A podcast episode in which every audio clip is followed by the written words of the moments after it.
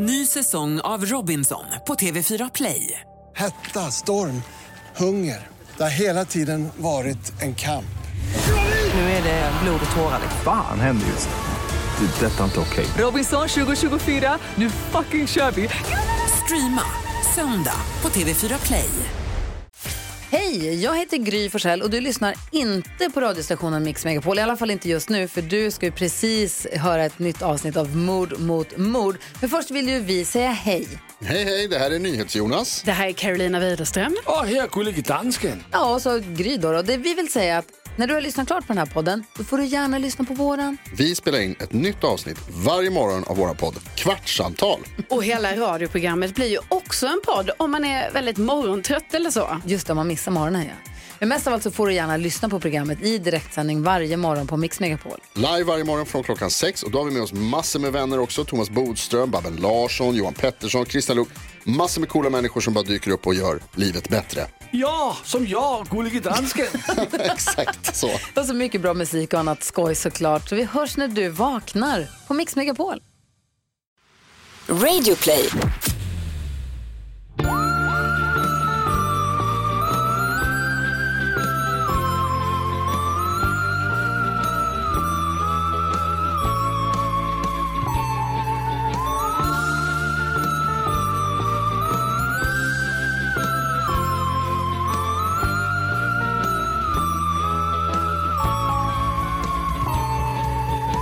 Då spelar vi in. Då spelar vi in. Anna Sandell rapporterar djupt nerifrån kaffekoppen. Hallå. Hallå.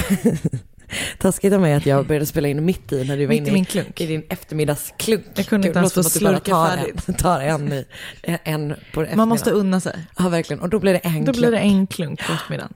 Har du någonting nu nytt du vill säga om din klocka? Nej, jag bara, det, det, det jag inser är att de dagarna när jag inte är så aktiv Ja. Så är det fett stressigt med aktivitetscirklarna som inte stängs. Ja, du är liksom, du har en typ så riktigt skammande eh, typ gympalärare som sitter på din På hand. armen. Ja. Vidrig upplevelse. Det där var det mysiga hemmaljudet som blev att Oskar smällde i dörren. Han ska stänga in sig. Just det, det här är eh, då mord mot mord. Och jag ska också stänga av ljudet på den här datorn tror jag. Om du lyckas med det. 'Cause it's not the easiest Okej. thing in the world. Han. Du kan gå där nere precis där. Ja. Ja, eh, ja, vad sa vi? Det här är mord mot mord, sa vi det? Det sa vi. Ja. Och du heter Karin André och jag heter Anna Sandell. Japp. Och det är ännu en söndag i våra liv. Det är det. Och eh, kommer du ihåg förra veckan? När vi Nej. sågs. Och då var vi så himla, himla glada. Var vi? Japp.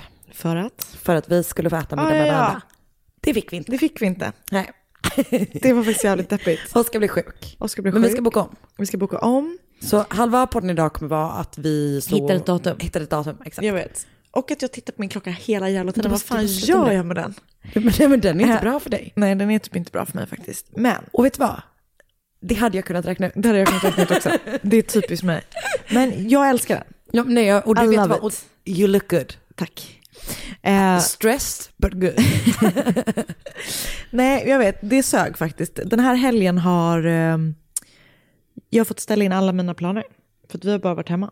Ja, vilket ju är klokt. Det är klokt. Men så, ack så tråkigt. Jag vet.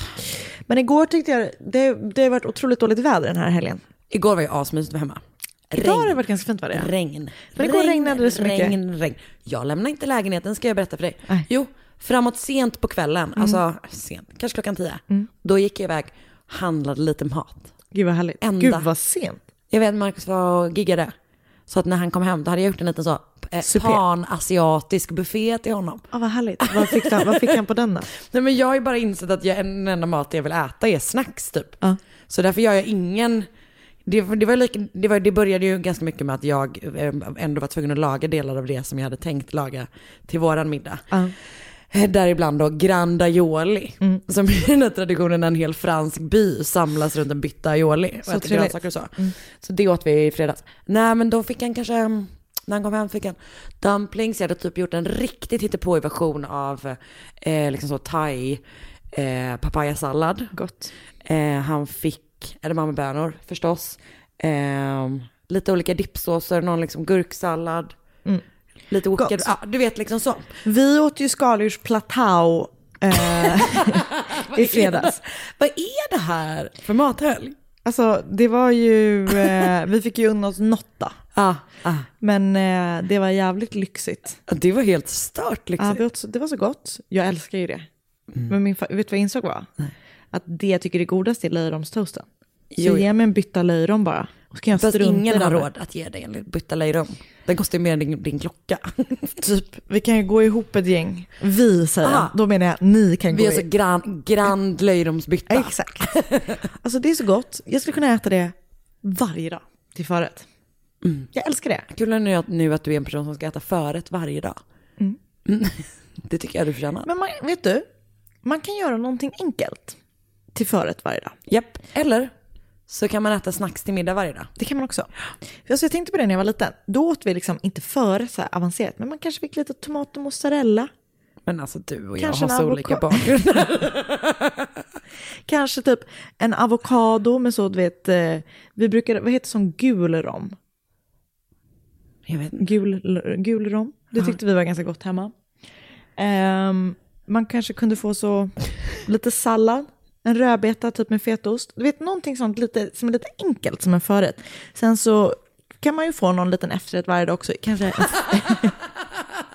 kanske så, du vet ibland kanske det är så bara en clementin.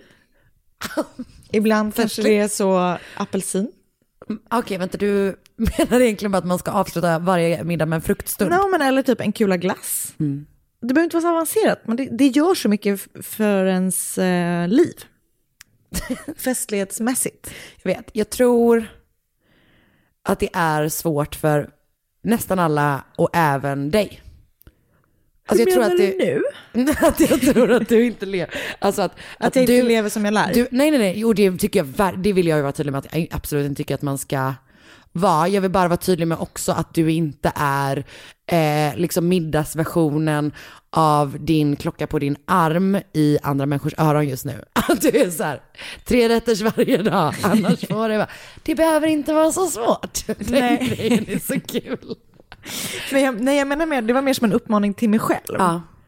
Att gör livet lite festligare, Anna. Ja, här har du en clementin. Men, och det vet du vad vi pratar om också? För att man åt ju aldrig middag framför tv, eller vi, så här, jag ska inte säga man, vi åt aldrig middag framför tv när jag var inte liten. heller. Det gör vi alltid nu. Och det gör man ju typ alltid nu ja. Eller Ja. vi gör det kanske varannan kväll. Ja, kul. Kommer, gör, kommer vi göra det när Sigrid växer upp? Nej, det tror Jag jag, hoppas inte det. Nej, jag tror inte det. Ja. Fast det lyxigaste man visste var också att folk som hade en, eh, En TV i köket. Sjukaste som jag visste. Jag vet. Jag känner bara en. Frukost, men frukost-tv tycker jag är okej. 100 procent. Men det är ju för också för att du älskar Nyhetsmorgon. Och Morgonstudion. Och Morgonstudion. Hur... Just det. Vad, um, hur mår du annars? Jo, bra. Hur mår du annars? Du har ju, hur många gånger har du gråtit idag? Ganska många. av olika anledningar. En av anledningarna var Pearl Harbor.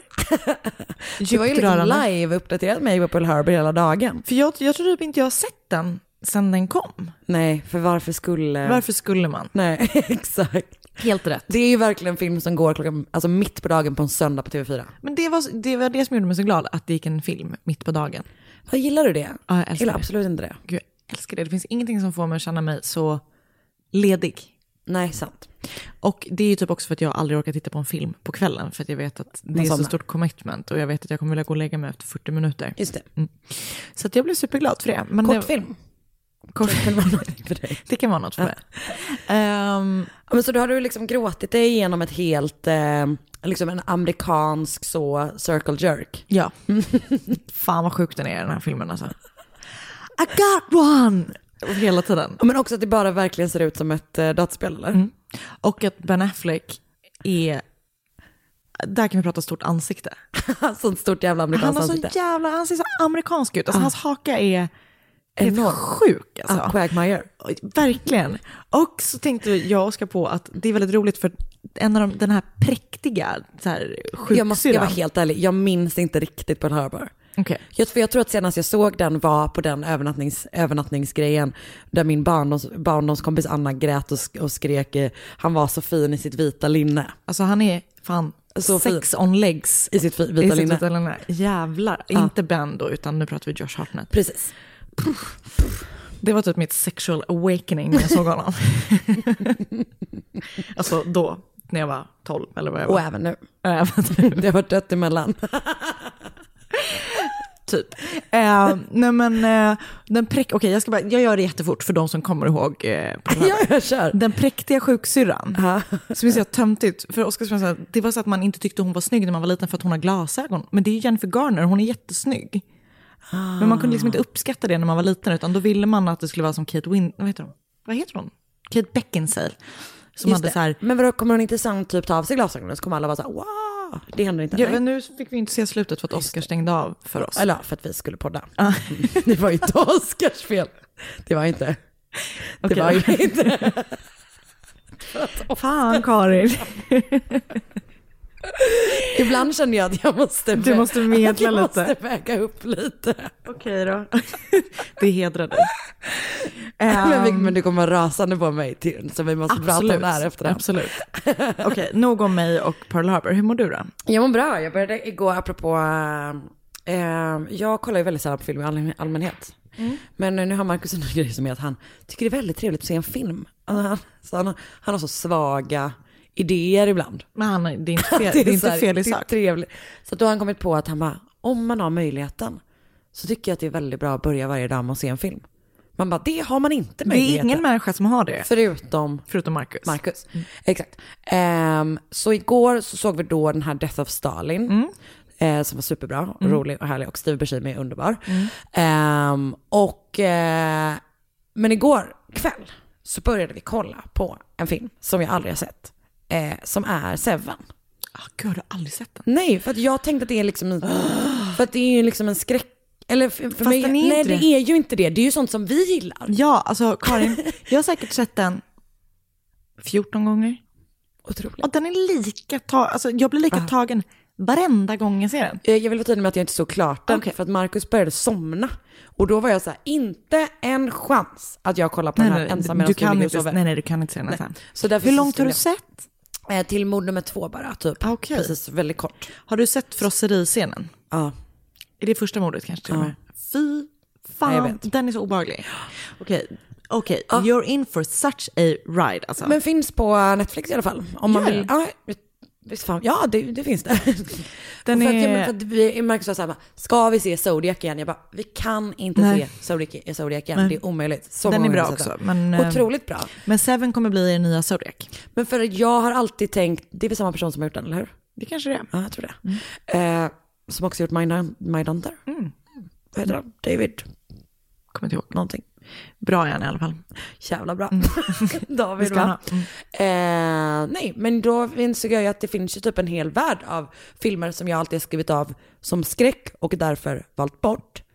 Men som jag kanske nu kommer kunna se. Mm. I dagsljus. Ja, När Markus är vaken. Du kommer inte kunna sova efter... Alltså, Nej. oh my god. Alltså jag Du föreslog in- alltså, alltså Du, du har så mycket framför dig. Kan du lova att du återkopplar till mig så fort du har sett färdigt den? Ah, ah, du menar just i filmen, jag tror du menar i livet. Ja, det med. Okej, ja. Okej. Ehm, Ja men så det är... Kul. Ja, eller så hur? då Teachers Pet har släppt en ny säsong? Nej.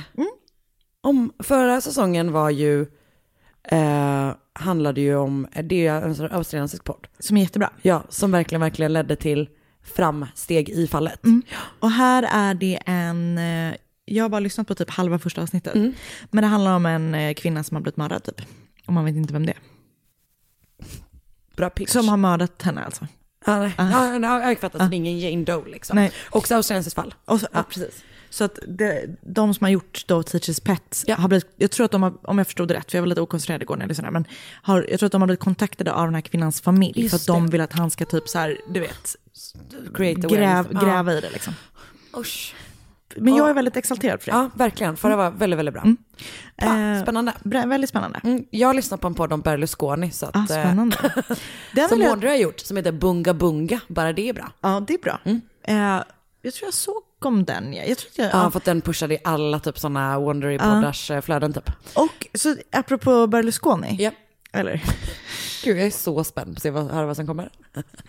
Eh, vår gamla kollega har gjort en podd som heter Diktatorer, Parisa Amiri, Vår gamla kollega. på Nöjesguiden. Aj, jag jobbade Ja, med nej, du jobbade inte det. Min Ja. gör. Eh, jag har inte lyssnat på den, men jag är sjukt exalterad på den. För hon är rolig och hon berättar så himla bra. Ja. Typ så här. så den vill jag tipsa på om innan jag ens har lyssnat på den. Det handlar om diktatorer. Ja, så spännande. Ja, verkligen. Synd att man inte kom på det själv. Men jag tror inte det var vi som skulle ta, ta Nej, den. kanske inte. Det var inte just den pucken. Vi kan ta demokratiska ledare. Ja. De tar vi. De tar vi. Men först några mord. Ny säsong av Robinson på TV4 Play. Hetta, storm, hunger. Det har hela tiden varit en kamp. Nu är det blod och tårar. Fan händer just nu. Det. är Detta är inte okej. Robinson 2024, nu fucking kör vi! Streama söndag på TV4 Play. Ett poddtips från Podplay. I fallen jag aldrig glömmer djupdyker Hasse Aro i arbetet bakom några av Sveriges mest uppseendeväckande brottsutredningar. Går vi in med hemlig telefonavlyssning och, och då upplever vi att vi får en total förändring av hans beteende. Vad är det som händer nu? Vem är det som läcker? Och så säger han att jag är kriminell, jag har varit kriminell i hela mitt liv men att mörda ett barn, där går min gräns. Nya säsongen av Fallen jag aldrig glömmer på Podplay.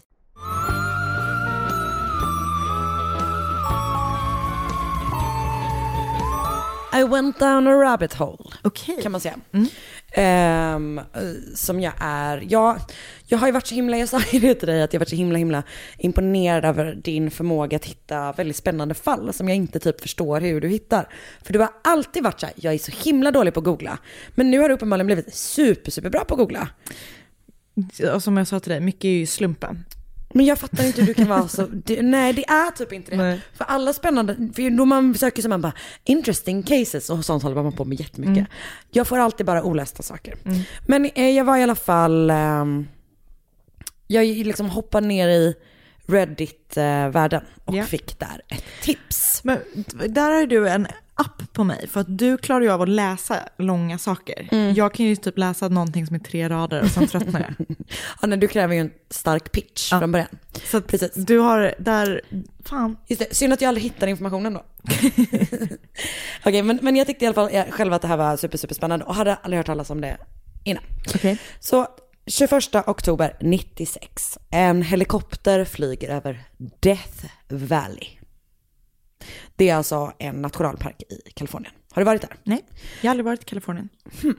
Ah, du och jag, Sigrid, Ja, roadtrip Kalifornien. Men du måste körkort först, för jag vägrar vara den enda som kan köra. Men Sigrid då? Vi kan vänta till Sigrid fyller 18 i och för sig. Ah, gud vad mysigt. Hon skjutsar runt oss. Napa Du och jag bara så dig i baksätet. Underbart ju. Eh, ja, den, det är liksom, ehm, alltså det är ju liksom in från kusten, så att typ på gränsen mellan Nevada och Kalifornien. Okej. Så att det är liksom kanske typ en och en halv, två timmar från Las Vegas, men typ tre och en halv timme från Los Angeles.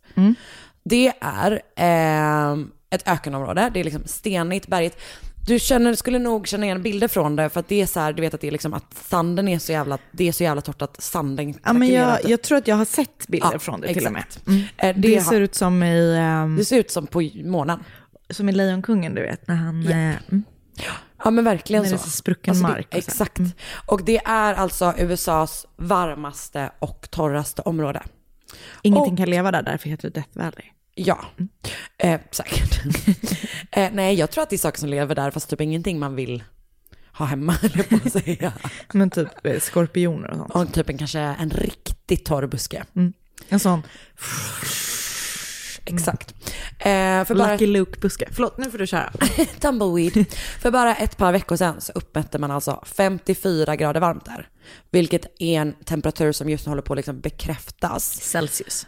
Exakt. Men om den bekräftas så är det alltså den varmaste temperaturen som någonsin uppmätts, uppmätts på jorden. Jävlar vad stört. Eh, du fattar, det är torrt i Death Valley. Eh, och många delar av den här parken är då liksom den här turistattra- eh, turistattraktioner som sagt upp. Man tar typ bilder på de här jävla spruckna, bla bla bla. Men ehm, det är, alltså, så det finns, det är liksom jätte, kommer typ en miljon turister dit varje år. Men det finns också jättestora områden som är outback liksom och där ingen är typ. Och som ligger extremt avlägset och otillgängligt typ. Och ehm, det är då på grund av det som den här helikoptern typ flyger över parken. Som en turistattraktion. Nej. Nej. Den är ute och letar efter knarkfabriker. För att det finns typ gamla så här, mi, em, inte min, mining, eh, gruvområden och sånt Ah, där. Så det finns liksom gamla, gamla vägar som du typ kanske kan köra på om du har en riktigt, riktigt liksom välanpassad fyrhjulsdriven Ja. bil och är jätte, jättebra på att köra det. Mm. Så därför så brukar det tydligen poppa upp du vet, ja, där ute för att det är liksom ingen som Ingen, kom, ingen av Ingen vägarna dit. förbi. Nej, Mm. exakt. Ehm, men den här eh, dagen så kommer den här helikoptern inte få syn på en knarkfabrik, utan någonting helt annat. Det är runt 11 på förmiddagen när parkvaktaren Dave Brenner kollar ut genom fönstret och får syn på något oväntat. Han ser en bil som står i Anvil Canyon. Och det är konstigt av eh, lite olika anledningar. En av dem är att det inte längre, det, det är inte en väg där längre. Det har varit innan, men den är avstängd. Ehm, och man får inte längre köra bil i det området typ. Mhm. Ehm, men det är också en helt vanlig personbil som står där. Och det går liksom inte att köra där. Nej. Ehm, Vad är det för bil? det är en Plymouth Voyager, som alltså är en minivan. Ah, okay. Så det liksom är så här, Inte så bra stötdämpning i dem det. inte alls eh, bra kan man säga. Och du vet de här, det här området är liksom sand och sten. Mm. Vilket gör att så här, det sliter som fan på däcken och när man börjar köra fast i sanden, det man gör då oftast är att man typ gasar mer och då gräver man bara Ja. mer mot stenarna typ. Eh, så det är därför liksom man så ska här- lägga plank så här och köra på. Just det, ja men exakt. Eller typ inte ha eh, den bilen. Borde Eller man inte heller ha. eller det. Man ska ha bandvagn när man ger sig. Exakt, verkligen. Eh, men de landar i alla fall i närheten och typ så här tar sig till den här bilen och det är som sagt en minibuss. Den står nedsjunken i sanden eller liksom nedgrävd i sanden. Jag antar att de, liksom har, de som har kört den har försökt komma loss. Mm. Tre av fyra hjul har punktering. Mhm. Ehm, och för att komma till den här platsen så har bilen liksom redan gått flera kilometer på den här typen av terrängen. Så att det liksom är så här, den har took a beating typ. Ehm, den är liksom dammig, så man typ tror att den har stått ett tag. Eh, och man kollar upp registreringsnumret och det visar sig att det är en hyrbil som är rapporterad stulen efter att de som hyrde den aldrig kom tillbaka med den. Vem hade hyrt den? Den hämtades ut den eh, 8 juli och skulle ha lämnats tillbaka den 26 ju- juli. Eh, det är typ en biluthyrare som är typ så dollar car rental någonting Mm. som typ ligger vid LAX. billighetsgrej. Ja, jag antar det. Eh, men så vanlig, Bang for the buck. men verkligen så vanlig biluthyrning Mm. som ligger typ vid en flygplats. De som har hyrt den här minibussen är tyskar. De är fyra stycken tyska turister. Det är Cornelia Meyer, hon kallas för Conny. Eh, och hon är 28 år gammal. Hon har med sin son Max, han är fyra. Och så är det hennes pojkvän Egbert, vilket alltid är ett namn. Det är alltid ett namn. Det är det, det får man ge det. Han heter så i alla fall, Egbert Men Rimkus. är det inte kul på tyska också eller? Men inget är väl kul på tyska? Men alltså, Nej jag vet. förlåt om det är någon som lyssnar som heter Egbert. Ja, men det är ett kul namn. Ja, Alltså, ja, och jag gillade. vad hette han i Ackeböckerna, du vet, han som var lite konstig? Oj, jag har ingen aning. Jo, hette inte Acke han? som också är i Riverdale eller? Ja, just det. Vad hette inte han någonting inte han med... typ bara så Bucket eller någonting? Just- Han heter något sånt. Okej, Ja, vi får undersöka saken. Ja. Han heter i alla fall Egbert Rimkus. Eh, och ehm, han hade med sig, han är 34 år gammal och hans, han hade med sig sin son Georg Weber som var 10 eller 11 år gammal. Det råder lite olika delade meningar om det. Och när polisen då kollar upp deras namn så får de en träff hos Interpol. För alla fyra hade anmälts saknade flera månader tidigare. Okej. Typ två månader tidigare tror jag. När var det de hittade bilen? Förlåt. Oktober. Oktober. Och det här var alltså, den skulle Juli lämnas skulle tillbaka den 27, 26 juli. Så att det här, eh, den här gruppen då kommer allihopa från Dresden, där Egbert var arkitekt och eh, Conny, ehm, jag vet inte vad hon gjorde. Nej. Det står ingenstans. Och jag har läst en god mängd tyska artiklar. För Hon att jag kanske var, var så här, homemaker. Nej, för de, jag tror inte det, för att de hade inte varit tillsammans länge alls. Nej, okej. Eh, eller så här, hon, hon var i alla fall inte det i deras relation. Hon kanske var det, hade varit det i den tidigare relationen. Okej. och Sådär. Eh, och någonstans läste jag att hon hade typ en ganska framgångsrik business. Det är bara, hon beskrivs bara som hans flickvän, vilket ja, det vet vi är problematiskt. Ehm, och Eh, som sagt, de har inte varit tillsammans särskilt länge alls. De är liksom nykära. Båda hade då varsin son som var från tidigare relationer. Och de var båda två väldigt liksom äventyrliga. Att typ han beskrivs som en person som gillade så här pusha gränser och typ så här göra lite halvtokiga saker. Och hon var nog också ganska äventyrlig. Bland annat så hade hon kört över eh, Sovjetunionen i en Trabant. Vilket är en sån gammal, sån gammal östtysk bil.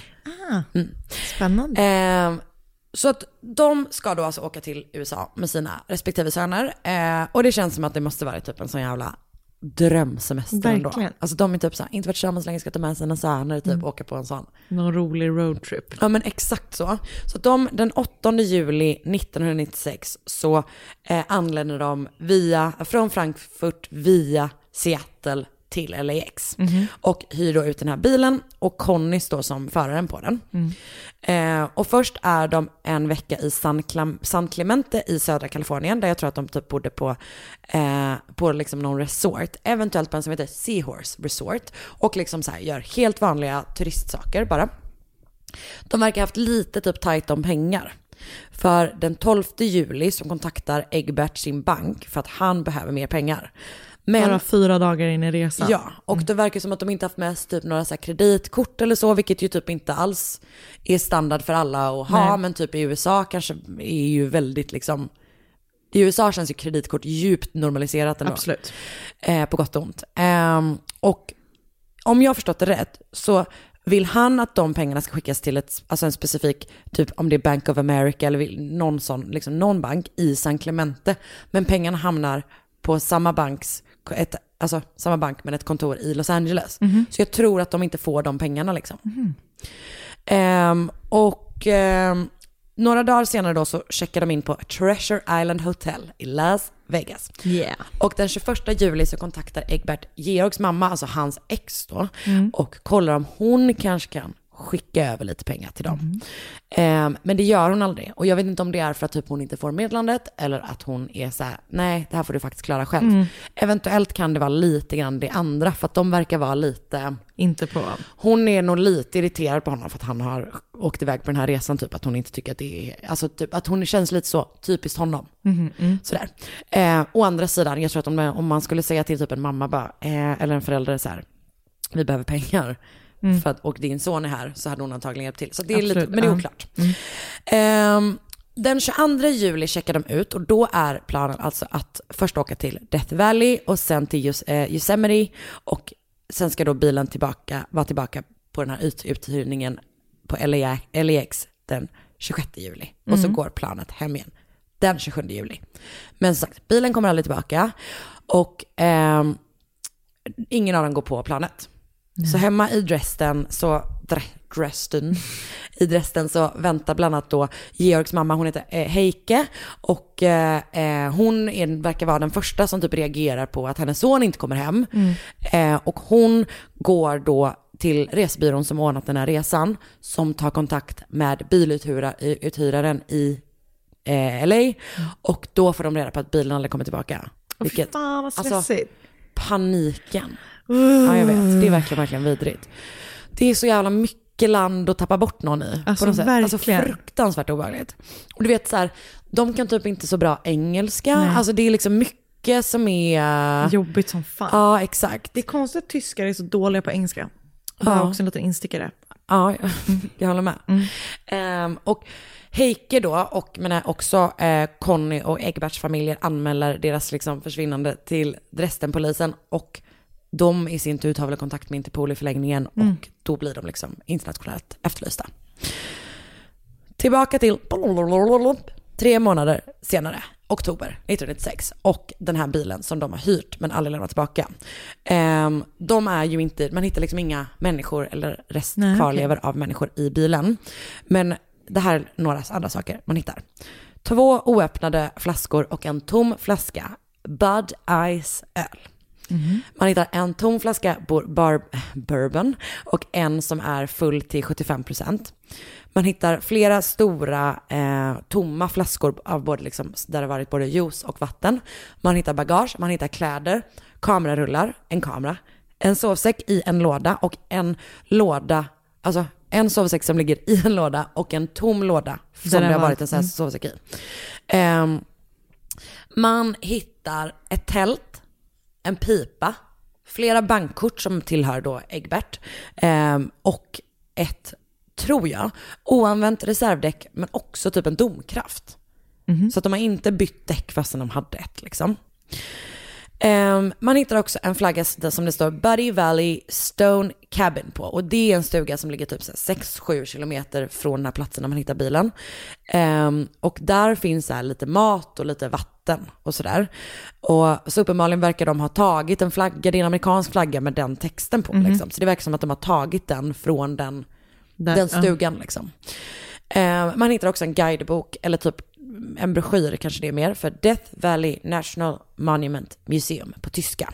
Och efter att man har utrett lite grann så kan man då konstatera att det såldes två stycken sådana på tyska eh, i Furnace Creeks besökscentrum den 22 juli. Så då tror man att de har varit där. den- Och det ligger också där i krokarna. Exakt. Ehm, I övrigt så hittar man också ett meddelande i en loggbok eh, på en annan plats i parken. Alltså vid Ja. typ en så här, en, vad trodde du? Jag tror de hade en loggbok i bo- bilen, vilket Ah, känns nej, jättekonstigt. nej, det har de inte. Låter i och för sig djupt tyskt. nej, men de har skrivit i en annan sån här liknande typ stuga, som också är obemannad, båda de här stugorna är det.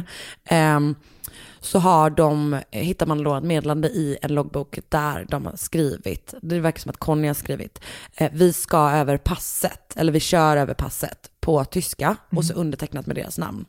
Och det skrevs den 23 juli. Så att man trodde att de har varit på där den 23 juli Mm. liksom. Och eh, det är också värt att känna till att det är alltså typ 50 grader varmt i den här, eh, den här platsen. Alltså, de här fan, dagarna. Jag skulle aldrig vilja åka någonstans där det är så Nej, jag varmt. vet. Alltså, Men jag grejen är att jag tror att det nästan blir en del av upplevelsen. Det Eller det beskrivs av det typ som så här park, av typ parkvakter och så. Att bara så här, framför allt för typ europeiska turister så är det så här, det är, det är liksom för sjukt. Med, både miljön, alltså liksom naturen är helt, helt absurd. Men att typ den var, värmen, Marcus, Marcus hade varit där och han sa typ att här, man, man kan inte gå på marken utan det ligger liksom så här du vet, Det är saker utrullade liksom. Att det blir så här en del av upplevelsen. Jag är inte så inne på öknar i allmänhet. nej, Det är inte, jag gillar inte det så mycket. nej, inte jag heller. För det känns som att man, man kan dö. Man kan verkligen, verkligen dö. Eh, Man, och, så, jag- och så innan, precis innan man dör så kommer man se en sån synvilla. ah, Där det är typ en sån... eh, just det, en, eh, eh, oas. En oas, ja. Japp, Och så kommer man du. försöka dricka. Anna, hjälp mig. Eh, Och jag duschar i den oasen när du försöker dricka. Eh, jag tror också att det är för mig, jag är inte så intresserad av rymden heller. Jag, min upplevelse Inte är att eh, alltså, en, ett intresse för rymden hänger ihop med ett intresse för öken. Jag förstår precis vad du menar. Bra. Jag kommer aldrig åka till öken. Eller, till, Eller rymden. eh, Eller, det var rymden jag skulle säga. Men förmodligen inte öken heller. Ja. Vi får se. Ehm, Okej, nu ska vi se.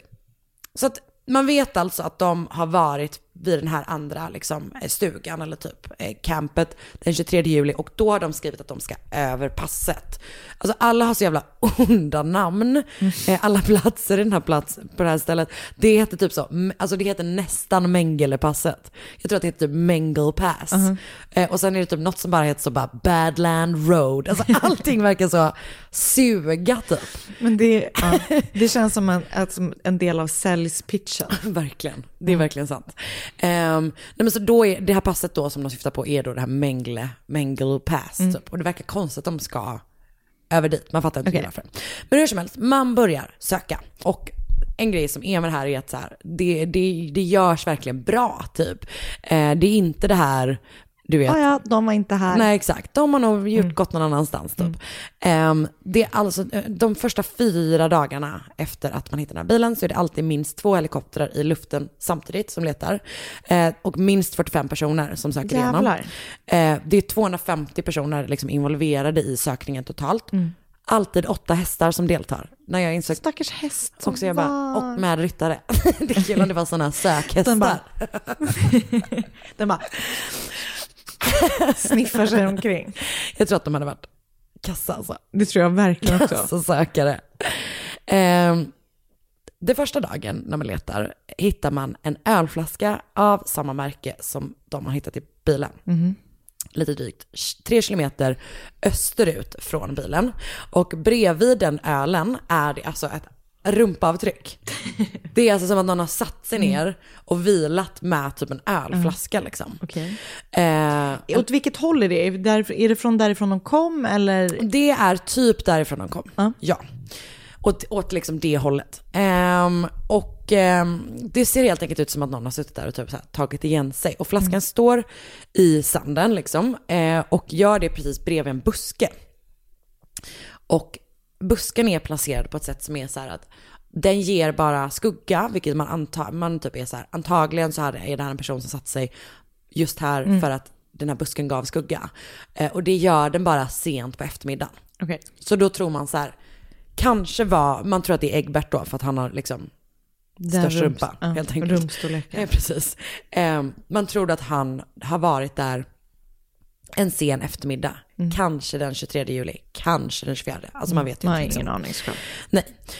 Men Eh, att rumpavtrycket är kvar efter flera månader känns ju otroligt. Ja, jag vet. Det är nog sjukt. Inte så blåsigt kanske. Nej. Eller så var den här busken va? Som skyddar det. Som skyddar det. Ehm, så att, som sagt, österut från bilen är alltså lite grann tillbaka mot de här stugorna och där de har, typ, Mm. har kommit ifrån.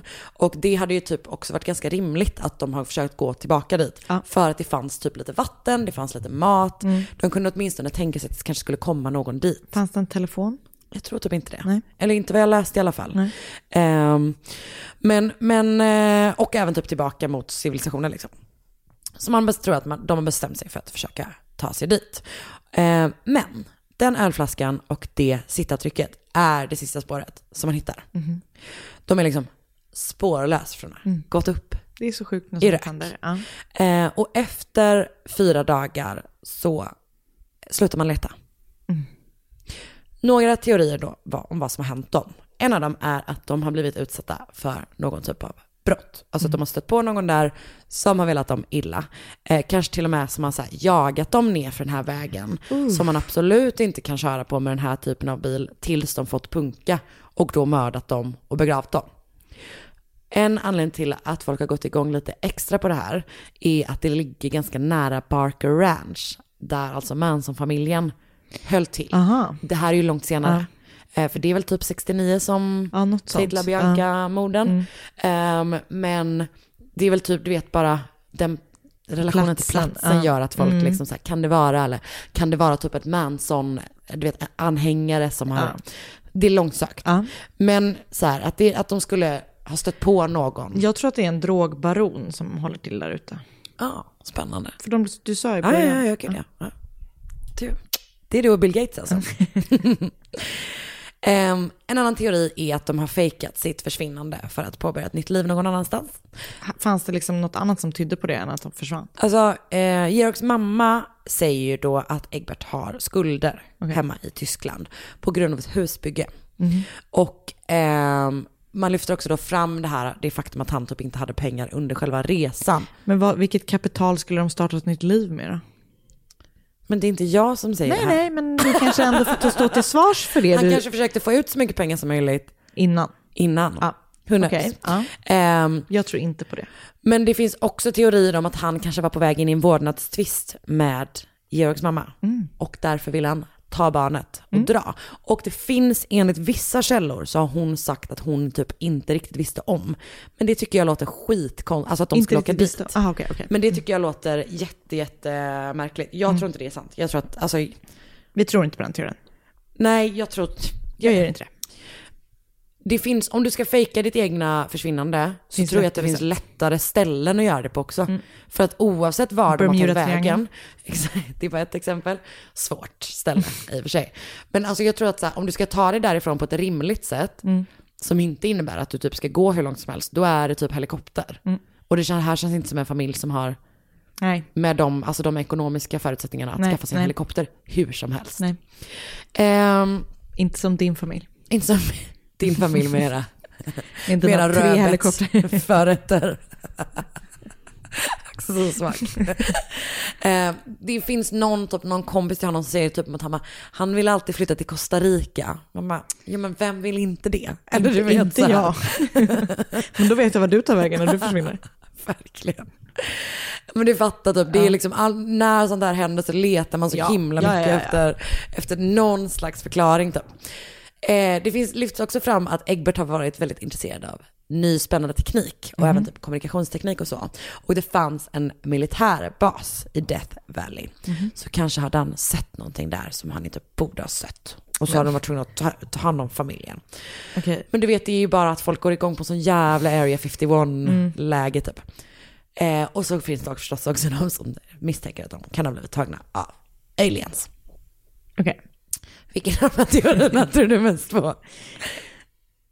Eh, jag, tror på, jag tror på den att de blev jagade av någon. Ja, knarkbaron. En knarkbaron. Mm. Hur som helst. Min egna teori tror jag mest på alltså. Ja, men gud, så förvånad. Hur som helst är de spårlöst försvunna. Och åren börjar liksom gå.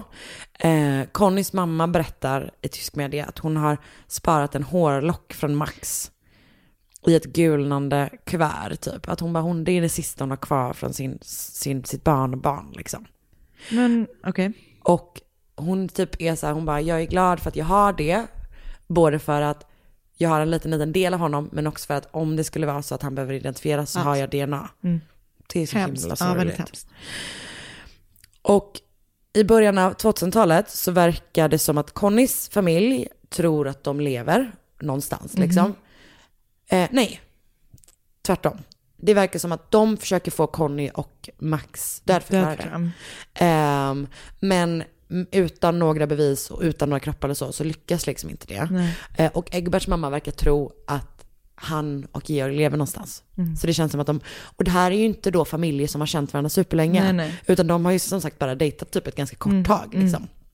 Så det är väl inte det att de, de har blivit bara liksom råkat hamna bredvid varandra i den här totala typ tragedin typ. Um, det är som sagt många som liksom funderar på det här fallet. Och i USA finns det många som är super, super intresserade och det intresset bara växer och växer. Och några av dem är personer som alltså var med vid de första sökningarna. Som liksom bara aldrig kunnat släppa Nej. det typ. Ehm, Gud vad jag kan förstå det ändå. När man är just med och letar att man bara, vad fan vi hittar dem inte, men Nej. vad fan kan ha hänt? När det Exakt. just bara är sådär, Ja, ja, ja. liksom Totalt vanished. mysterium. Bara, de Mm. måste ha gått åt det här hållet, men Mm. vi har letat överallt. Vad fan är det som Det är har hänt? sjukt, Typ. Ehm, och det görs liksom löpande undersökningar eller mm, sökningar av typ officiella källor, liksom, Mm. organisationer, men också av både privata grupper och frivilliga organisationer. Och en som blir obsessed vid det här fallet är en man som heter Tom Mahood. Och han är just en sån person som är så här, råkar trilla över det här och blir helt jävla obsessed. Typ. Mm. Han bara så här, det här, det, det går inte, det här måste liksom gå Mm. och typ ta reda på vad fan det är som hänt typ. Ehm, så han hamnar liksom, eh, eh, ja men han trillar över det här fallet och sen joinar han Riverside Mountain Rescue Unit som alltså är en frivillig organisation. Mm. Vilket jag tror, alltså det verkar som att han gör det ganska mycket för att han typ blir, eller det spelar, det spelar åtminstone in att han blir väldigt, väldigt intresserad av det här Mm. fallet eh, när han går med där liksom. Och när han gör det så träffar han alltså folk som var med vid undersökningen, den första, Mhm. första sökningen. Och sen är han helt fast typ. Så han börjar liksom kolla kartor eh, och eh, vet bara hänger över liksom det här området och funderar på vad fan som kan ha Mm. hänt. Pratar med massor av folk eh, och börjar också göra sina egna sökningar i Death Valley under hösten 2009. Aha. Oj, så långt efter? Ja. Det är alltså 13 år senare. Så Tom har en teori som han så här, eh, han är så här, kan, de måste typ ha gått söderut. Mm. Men det finns ingen anledning till det. Varför skulle de ha gått åt ett håll som inte är där de vet att det finns mat, civilisation, vatten och skydd typ? Det är helt orimligt. Men det finns, enligt honom då, tycker han att det inte finns några andra, alltså några Nej. andra vägar de kan ha gått typ. Okej. Ehm, så att det, och det är ju liksom en teori som går emot allting det logiska tänket man har trott innan liksom. Men sen är så att han är så här, det måste vara så, men varför är det så? Och var har de tagit vägen? Mm. Så en kväll eh, så, så liksom hänger han typ över en karta och bara tänker och tänker och tänker Mm. och tänker. Och formulerar sen en tanke som liksom inte bara förklarar varför de kört in på den här vägen och hamnat där de har hamnat, utan också alltså vilket håll de har gått efteråt och varför. Mhm. Och Toms teori är typ så här. På deras karta, de har ju kört runt i det här området redan tidigare liksom. Eh, och på deras karta, den som de har i den här broschyren, så ser typ de här vägarna inte så annorlunda ut jämfört med de off, liksom backcountry-vägarna som de hade åkt på redan innan. De är typ streckade liksom. Och dessutom så pratar de typ inte så bra engelska. Nej. Så de har, kan inte, de har svårt att läsa instruktioner liksom. Mhm. Ehm, som sagt, den 23 juli så försöker de då först köra genom det här Mänglepasset. Mhm. Eh, så här. De har kommit till parken den 22. De har campat i, kamp, eh, i parken den, 20, eh, alltså den kvällen. Mm. Eh, och det tror man att de har gjort för att de har ganska dåligt med pengar helt enkelt. Mm. Och de hade ju tält och sådär liksom. Så morgonen den 23 juli bestämmer de sig för, nu ska vi köra genom Mänglepasset. Men inser då att så här, det kan Det vi inte. inte, Det nej. går inte, vi kommer inte igenom det här. Så då vänder de tillbaka. Eh, men när de vänder tillbaka, det tar skitlång tid att köra för att det är så dåliga vägar, då är det redan så pass liksom, sent på dagen att de Mm. börjar få bråttom. För att de vill då hinna till Yosemite innan de ska ha hem. Mm. Och bilen ska lämnas den 26. Nu Mm. är det liksom redan sen eftermiddag den 23. Så att de försöker stanna vid de här olika, liksom så här, men de försöker stanna vid olika stugor och så här, be om hjälp, men det är, ingen, det är inte bemannat någonstans. Liksom.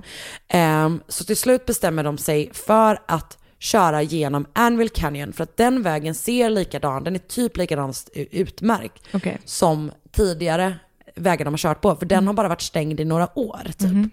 Ehm, de bestämmer sig för att köra där för att det är liksom en ganska, det ser ut som en kortare väg till Yosemite. Mm. Alltså man kommer ut åt liksom rätt håll istället för att köra tillbaka och köra på de större vägarna typ. Så är de väl så här, Vi genar här. vi genar här. Mm. Exakt, vi har ju redan kört på sådana här vägar. Mm. Det har ju gått bra liksom. Och grejen med den vägen är att, alltså antagligen så har de väl varit så här, vi testar. I Mm. värsta fall så vänder vi och kör tillbaka. Mm. Och när man ehm, börjar köra på den här vägen så är också vägen typ helt okej. Mm. Eh, jag har också kollat på sådana klipp. om- Där de har kört. Ja, exakt. Eh, och det, det ser ut verkligen som en mardröm att köra på alla vägar. Mm. Men så här, det går liksom att ta sig fram där i början. Det är inga större problem. Som sagt, de, de är typ ganska lika de andra. Ehm, men ju längre ner man kommer, desto svårare blir det. Och eh, det, antagligen så tror man då att de har liksom så här, när de har börjat fastna, så har de bara gasat och gasat och, Och gasat på ah, det här fan. underlaget. Jobbigt. och till slut så får de då liksom punktering som sagt på tre däck och fastnar. Mm. Och då har de liksom så här, som sagt, de är i den här bilen, det är sen eftermiddag den 23 juli. De är så här, vad fan ska vi göra? Man tror att kanske att, ehm, att Egbert redan den dagen går och typ så här, för att skaffa sig en bättre överblick över området går och sätter sig vid den här busken Mm. typ. Eh, och sen så tror man att, jag tror Tom då att de sover i bilen ehm, den natten. Mhm. Men sen kommer de då en plan, på en plan. Mm. Så återigen, det här är Toms teorier. Eh, han tror att de bestämmer sig för att gå söderut för att där ligger en militärbas. Ja, okej. Och hans teori är att anledningen till att de har gått dit är för att de tänker att, alltså tydligen är det så här, det här är vad han säger, att typ i Tyskland så patrullerar militärer militärbaser. Du kommer till typ ett staket. Och där går en Och där militär. går liksom militärer förr eller senare förbi. Mm. Men i, åtminstone alltså i Kalifornien, men framförallt i det här fallet då, så är det inte upplagt på det sättet. Utan det man gör istället är att man lägger det så jävla, jävla avlägset. Så att typ ingen kommer dit ändå, typ. Okej. Så det, det liksom är, om det är så att de bestämmer sig för att göra det, så är det alltså liksom dödsdömt redan från början. Men för det är ingen som jobbar där eller vadå? Nej, inte på det sättet i alla Nej. fall. Liksom. De kommer inte kunna ta sig in hur Nej. som helst och sådär. Ehm, Så att hans teori är helt enkelt så här, de har gått söderut, ingen har letat där och därför har ingen hittat dem. Mm. Och han börjar då ge sig ut liksom i bergen. Mhm. Och för att liksom testa sin teori. Och han typ är så här, du vet märker ut så att de kan ha gått en av de här tre vägarna Mm. och då borde det varit så här och så här och liksom så här gör vidriga, vidriga vandringar. Mm. Där, alltså han är så han bara hatar Death Valley. Tycker att det är verkligen en Ah, värdelös fan. plats på Ja. jorden typ. Eh, du vet, går ofta så tio timmars dagar i vidrig, vidrig miljö. Men Tom, typ. det är ingen som har tvingat dig. Nej, verkligen. Men han drivs av att han måste få hitta de här människorna. Och en dag då så har han, eller för en liksom, de ska vara ute typ två dagar, eller tre dagar tror jag. Har han då fått sällskap av sin vän och Mountain Rescue-kollega Les Walker. Det är den 12 november 2009. Och innan dess så har Tom varit ute flera gånger själv och du vet, alltså så här, tagit med sig någon annan kompis någon gång och sådär. Men den här gången så är alltså ehm, Les Walker med honom. Det är den 12 november 2009 och de har efter att ha sovit över i, i det här området på morgonen, tidigt på morgonen, gett sig ut, separerat sig för att kunna täcka liksom, Mm. större mark då. Och eh, de har bara alltså en viss tid på sig innan de måste gå därifrån för att deras vatten kommer att ta slut. Och det Okej. finns ju nästan inget vatten Nej. i det här jävla pissområdet Mm. liksom. Så de måste också göra alla sina vandringar med typ så skit mycket vatten. Ah, fan. Jag vet, det verkar verkligen vidrigt. Kvart i nio på morgonen så knastrar det till i Toms radio. Det är Les som säger, jag har hittat en gammal vinflaska. Fan vad de krökade när de var ute i öknen. Också bra i 50 graders värme. Mm. Eh, men antagligen så har de, hade väl inget annat Nej. dricka kanske. Jag har hittat en gammal vinflaska. Och de bara så okej, ja men det här är ju intressant. Snart knastrar det till igen. Les har hittat det han först tror är toalettpapper. Nej, vad är det? Är det hud? Det är inte hud. Men toalettpapper skulle ju heller inte klara sig så lång tid ute i, alltså 13 år. Det känns som att det hade förmultnat. Ja. Plast, vad är det då? Det är alltså papper utdragna från en kalender.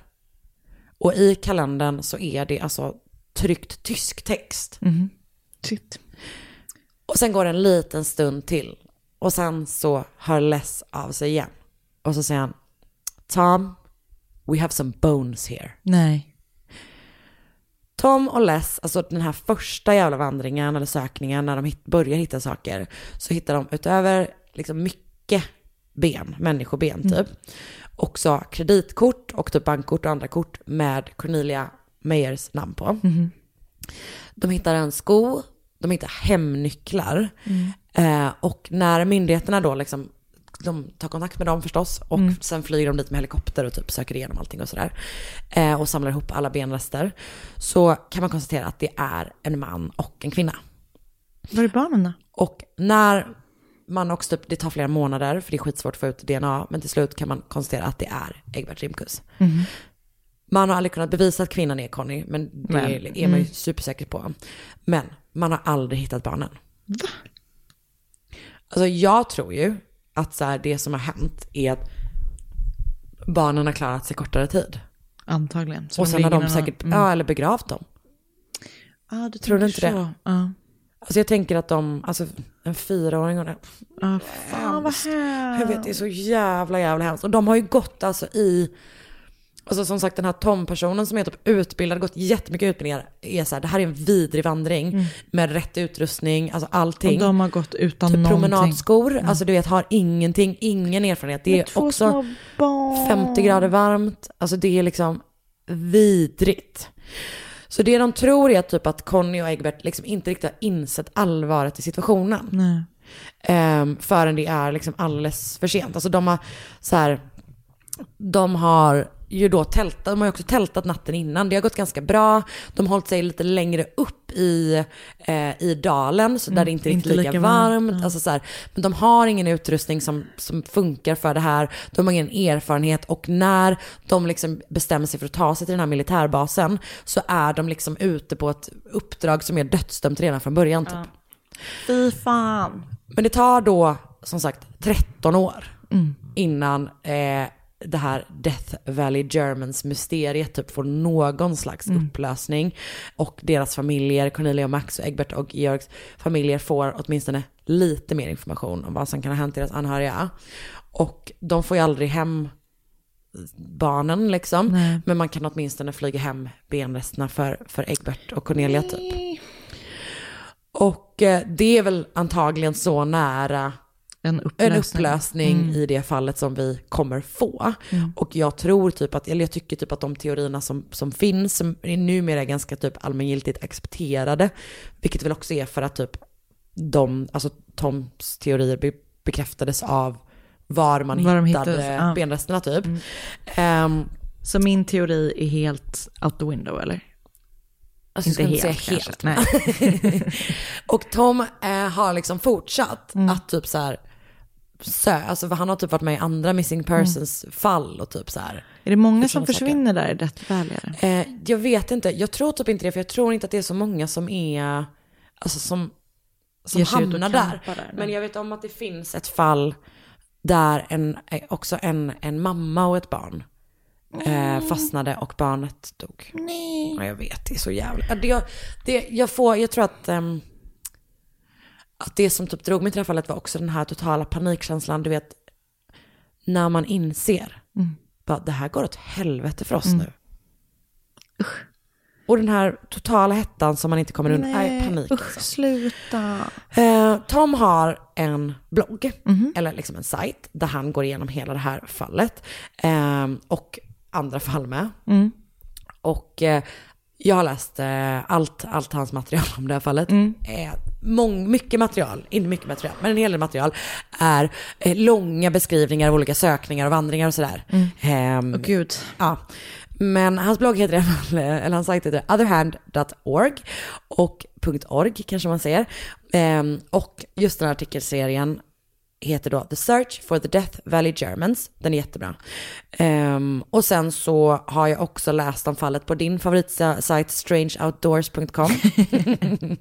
på Reddit som sagt. Några tyska artiklar från Bild, Welt och Unexplainable World. Och ett helt gäng Wikipedia-artiklar. Nice. Thank Eh, you. Death Valley Germans. Usch. Den här veckan sponsras Mord mot mord av Biltema. Vårt älskade Biltema. Biltema har ju eh, lite allt möjligt. Det är ju en affär där man går in och ser man så här, hmm, vad vill jag ha? Ja, ah, det visade sig att jag vill ha allting. Perfekt. Exakt så är det. Och vi behöver prata om deras tjänst Köp och hämta. Ja.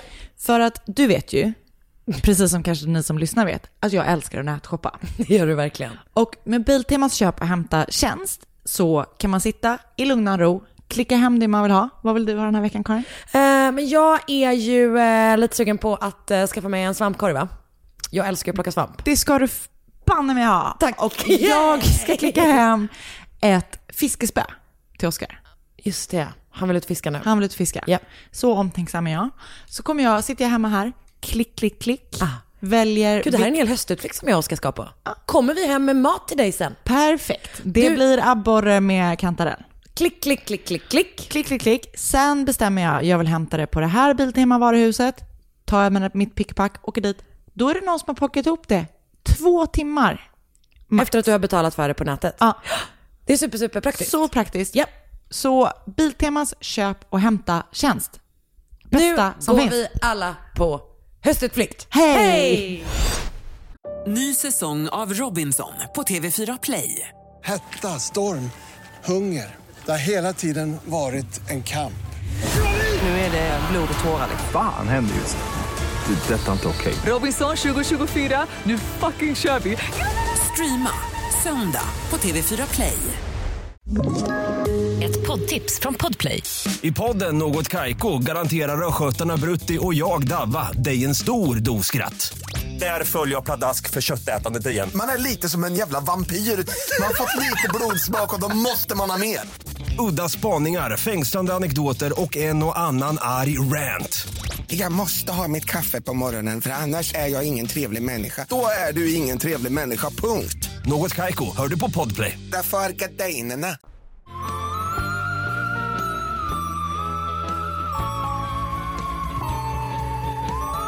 Det är sommaren 2005 och den 25-åriga Alicia Ross har precis återvänt hem till Markham, Kanada. Okej.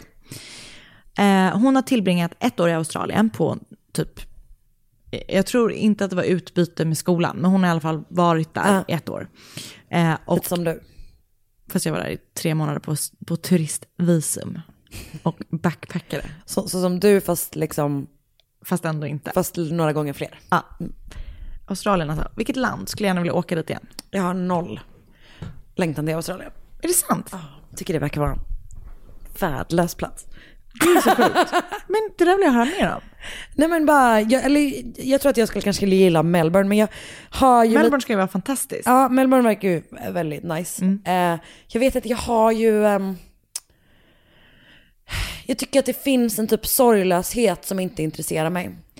Nej, okej. Som Halland i Sverige. Halland är ju Sveriges australiens, hallänningar är Sveriges australiensare. Jag kan inte uttala mig om det. Men De har ingen ångest i kroppen. det är helt sjukt tycker jag. För det är, det är, så, det är så spännande land, Australien tycker jag. Men skitsamma. Jag, jag, är kanske, jag kanske är närmare naturen än vad du är. Fast vet du vad de verkligen har, vilket jag tycker talar emot min bild av det, Mm. är att de har väldigt mycket intressanta fall. Och Ja. fruktansvärt obehagliga ofta. Det är ju bara det där glättiga på ytan, så fort man bara gräver lite under. Just det, men det kanske kan vara det jag tycker är läskigt också. Jag vill åka dit i alla fall med pengar, inte som 18-årig backpacker. Just det, bra. Backpacker fast jag hade rullväska, för jag vill inte bära ryggsäck. Rullpacker. Okej, eh, nog om det. Eh, när hon har kommit hem då till Kanada så tillbringar hon sommaren med att typ göra det hon älskar mest av allt. Vilket är att vara ute i naturen och typ campa, paddla kajak. Alltså du vet, hon är, hon är Outdoorsy person. hon är verkligen outdoorsy, hon typ gillar äventyr. Alltså du vet, hon har gjort mycket spännande saker i sitt liv. Men har hon kört Trabant genom Sovjetunionen? Inte än. Nej. Eh, den 16 augusti så har Alicia varit ute och paddlat med sin bror.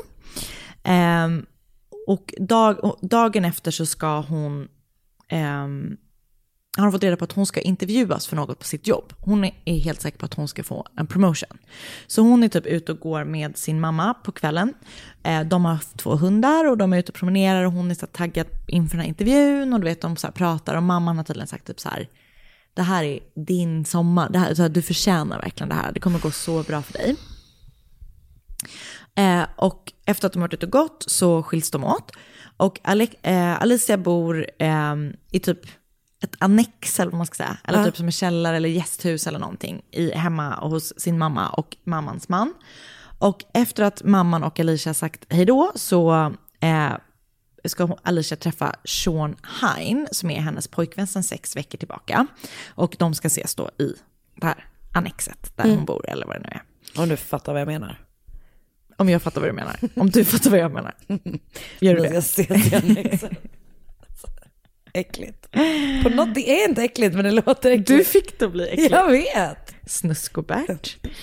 Ehm, så de typ ses där hemma och hänger. De dricker lite vin, spelar lite biljard, de lyssnar på musik och bränner CD-skivor. Vilket fick mig att vara så här, 2005 var ju inte så länge sedan, brände man CD-skivor då?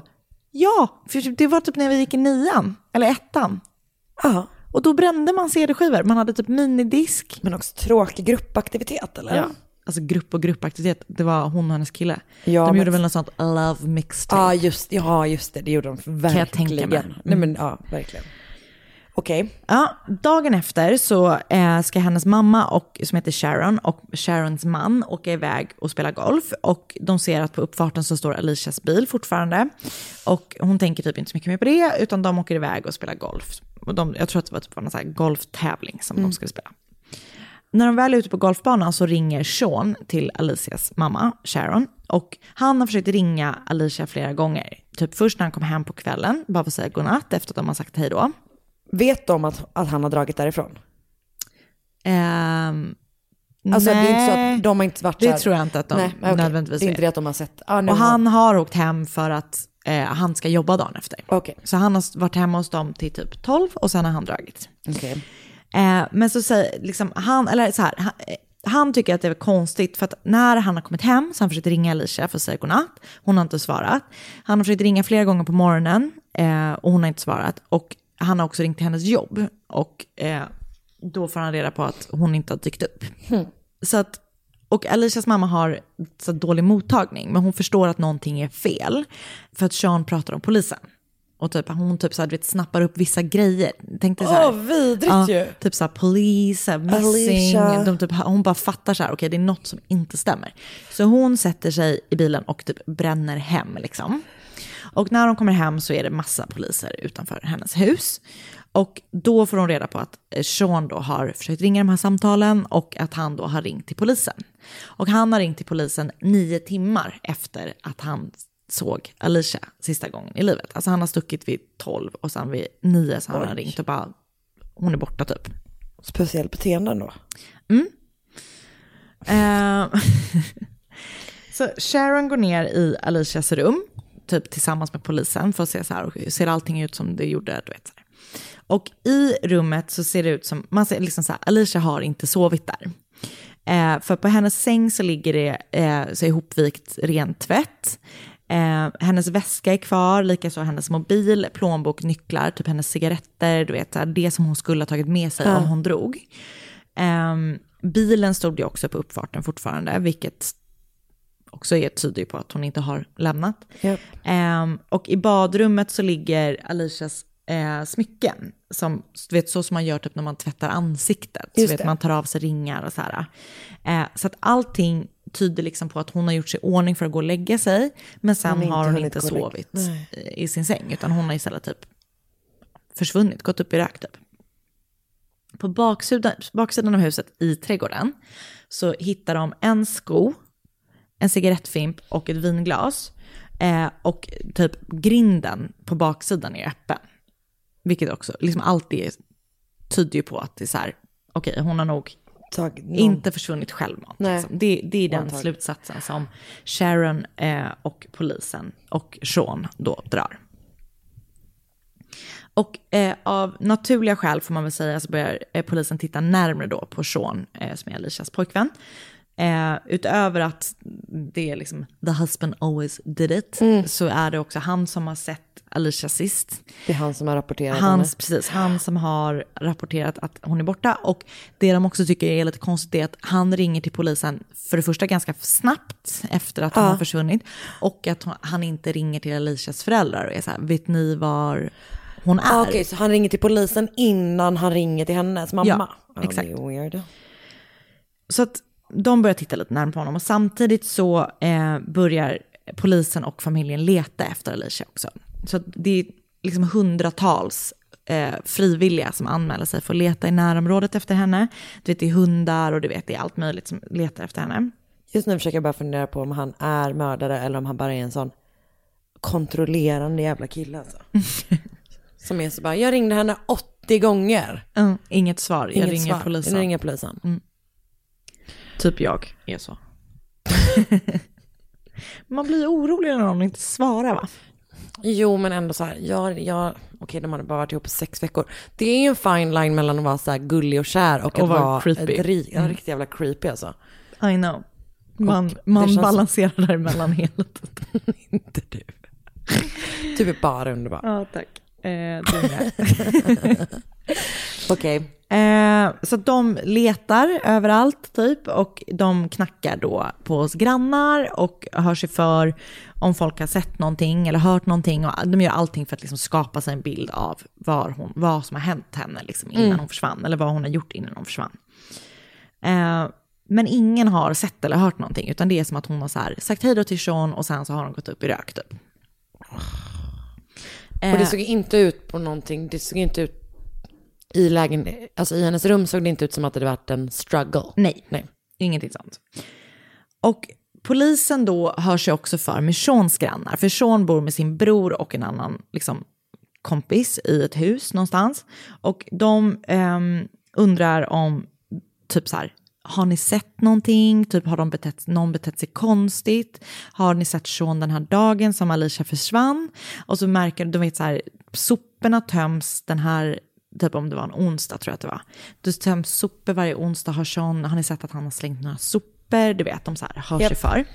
Men de verkar, Sean och eh, Seans grannar har ingen koll på dem, utan de verkar typ hålla sig ganska mycket för sig själva. Liksom. Som jag tänker typ att man gör. Det Han är 29 år, liksom. Vem har kontakt? Det låter ju som en helt vanlig Ja, situation. vem har kontakt med sina grannar? Helst inte. Någonsin.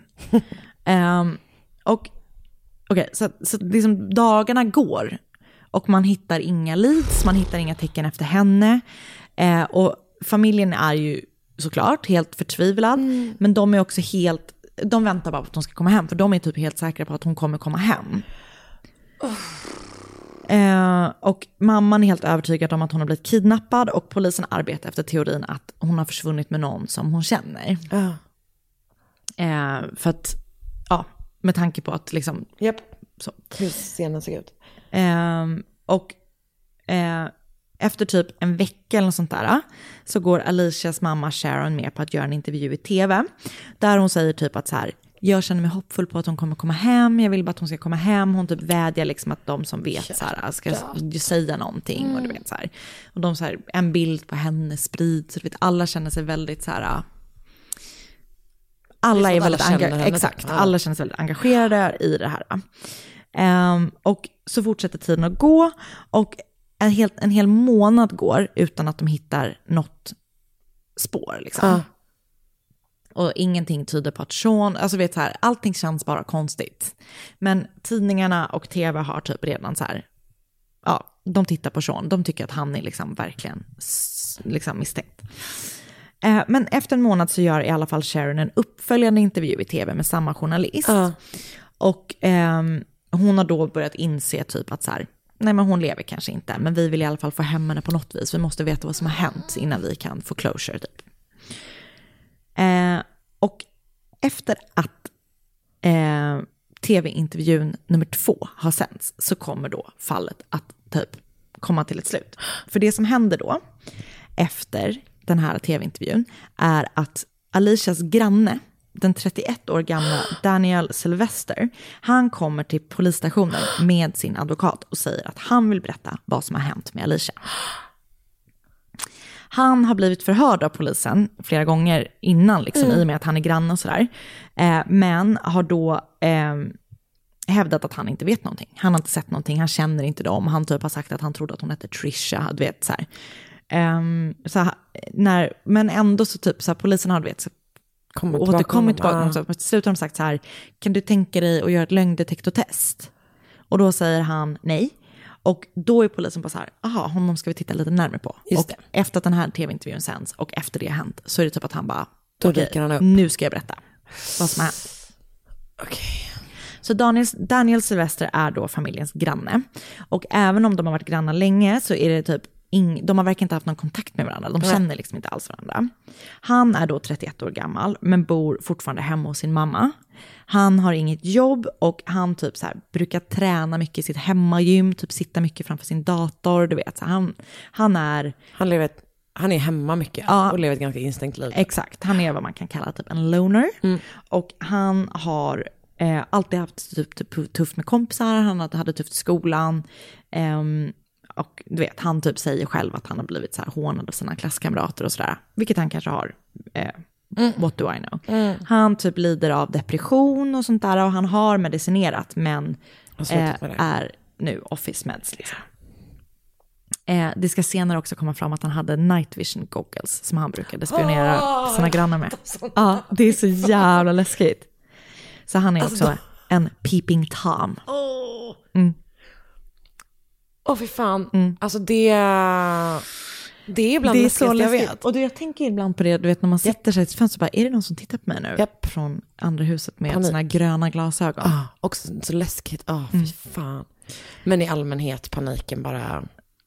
Alltså att det var Peeping Tom, att det var så som man bara gav det typ ett skojigt namn. Ah, Man nej. Bara, nej, det är Det är fruktansvärt inte okej. obehagligt. Ja, det är inte okej bara för att ni ger ett lite gulligt namn. Peeping Tom. Ehm, men i alla fall, han berättar då att han har dödat Alicia. Men han menar att dödsfallet var en olycka. Hatar när det händer. Mm. Han säger att han är så otroligt ångerfull och att han inte kan leva med att familjen inte får reda på vad som hänt henne. Och att han var rädd för att fel person skulle dömas i och med att de tittade så mycket på Sean. Så att han säger då, han vill ställa allting till rätta. Ja.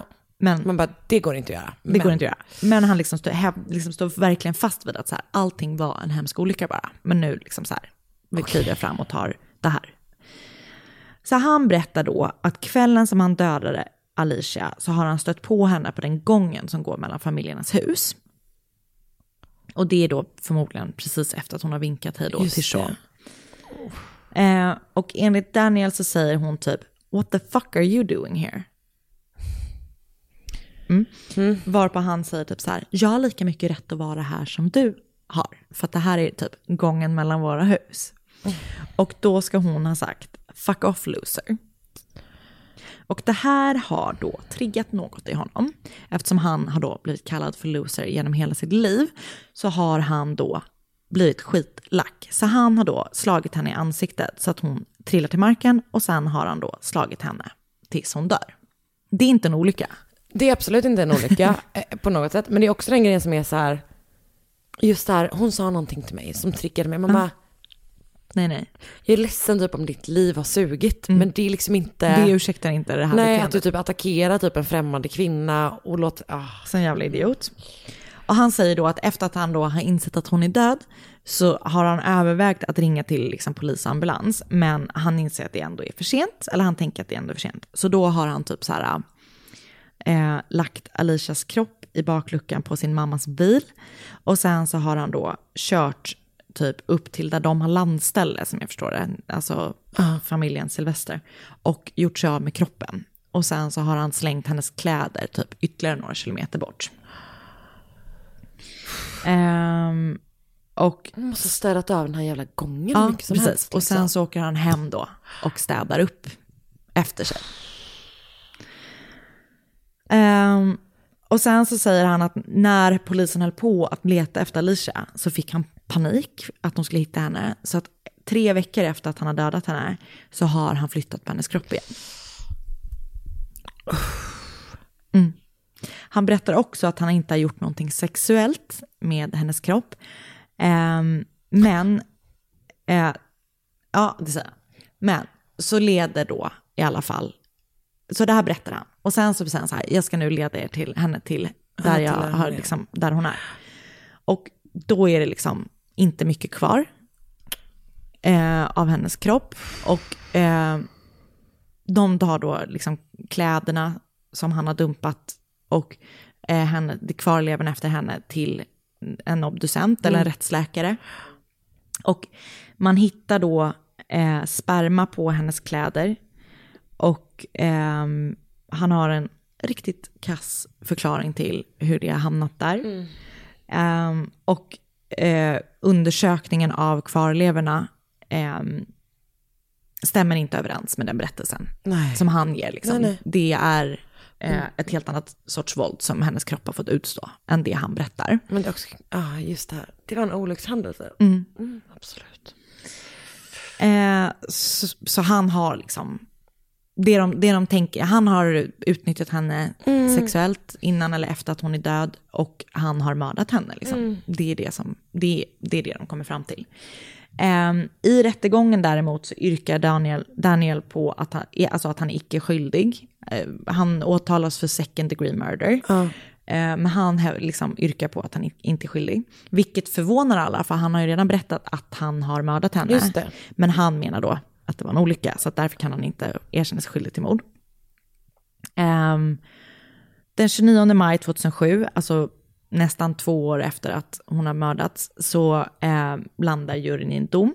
Och han anses skyldig då till mord och dömts till livstid i fängelse med Mm. chans till frigivning efter 16 år, vilket då skulle vara nu i september 2021, som ett år. Eh, han ehm, överklagar domen och vill ha ett minskat straff, men ehm, eh, ja, domaren fastställer den domen som ligger. Så att ja, han ska nu då upp på sån parole hearing. Om, en tim- om, ett, Ja. om, om ett år typ. Mm. Ehm, och det som är så sorgligt tycker jag är att i- jag har sett en dokumentär och i den så pratar mamman då om att så här, hon har varit på typ så här massa farliga platser runt om i världen, hon har gjort massa äventyrliga grejer och, Och det sen händer händer hemma. det i hennes hem. Ah. Att det är så jävla jävla orättvist. Jo men och det är ju den grejen som är så här, man, man kan ju aldrig veta. Nej. Eh, och tyvärr är ju typ hemmet en ofta en en farlig plats. plats för verkligen. Men, och det är en farlig plats för de som man har i sitt hem. Exakt, men det här är att det är en en frä- granne, alltså vet, ja. Usch. Men det är så himla intressant och märkligt det här att han var så här, nu ska jag berätta. Mm. Och sen, men då antar jag att man ändå, att man, man har- drivs av typ dåligt samvete Mm. så att man vill kunna leda dem till kroppen. Mm. Men man typ har, man vet också hur jävla illa det ser ut och typ ändå Mm. kanske har skuld och skam kring det och därför vill man inte berätta Inte, allting nej, vad som har hänt liksom. Mm. Det är så jävla läskigt. Ehm, ja, så han sitter då inne nu, men ska på parole hearing Mm. om ett år typ. Mm. Och eh, jag har sett en dokumentär som heter Crime Beat, Alicia Ross, Everyone's Daughter. Och ehm, jag lyssnar på podden Dark Routine, som är en kanadensisk podd. Och avsnittet där heter Alicia Ross, Lily Among the Thorns, som hon kallades av sin mamma. Jag har läst Wikipedia-sidan om hennes mord och för, hennes mamma driver också en eh, hemsida som heter aliciaross.ca. Mm. Eh, där liksom är mammans berättelse och där Ah. finns det massa information och bilder och sånt på henne. Oh. Och fy fan vad sorgligt. Så hemskt. Och det där är väl typ exakt den anledningen till att vi alla typ är också på ett sätt fascinerade och intresserade av det här ämnet för att man är så himla medveten om att just, alltså, hemma. Mm. Alltså att bli utsatt för det i sitt eget hem. Ah. Bara när man så här gått ner för en liten gata och typ vinkat av sin kille. Ja. Ja, det är så läskigt. Ja, det är fruktansvärt Mm. obehagligt. Usch. Mm. Så det var det om Stackars det. Mm. Tack för att du berättade detta jättesorgliga för mig. Tack. Och tack för att ni har lyssnat på detta jättesorgliga tillsammans Även den här veckan. Även den här veckan. Ehm, om ni vill önska fall eller tips om fall så gör ni det av Anna på Instagram på att Anna och mig på att Karin Londre. Och, så får ni inte glömma att gå med i vår Facebookgrupp. Precis, och där lägger vi massa bilder och Och vi kan väl också göra eh, en liten shoutout till vår, eh, vår merch-shop. Men gud, just det, det var så länge sedan vi pratade om det. Ja. Vi tänker också att vi ska ta fram någon eh, special... eh, Någon kollektion. Någon specialkollektion med något skoj eh, citat eller Mm. så. Eh, Men kolla där, det är podstore.se. Se. Ja, så finns vi där. Och eh, om ni har något så här, bara, det här borde ni ha på en t-shirt, någonting från podden. Något Eh, roligt. något roligt. Så kan ni väl skriva det till oss i, i DMs med eh, på Instagram. Så hörs vi också nästa vecka. Det gör vi. Hej, hej! Ny säsong av Robinson på TV4 Play. Hetta, storm, hunger. Det har hela tiden varit en kamp. Nu är det blod och tårar. Fan händer just nu. Det. är Detta är inte okej. Robinson 2024, nu fucking kör vi! Streama söndag på TV4 Play.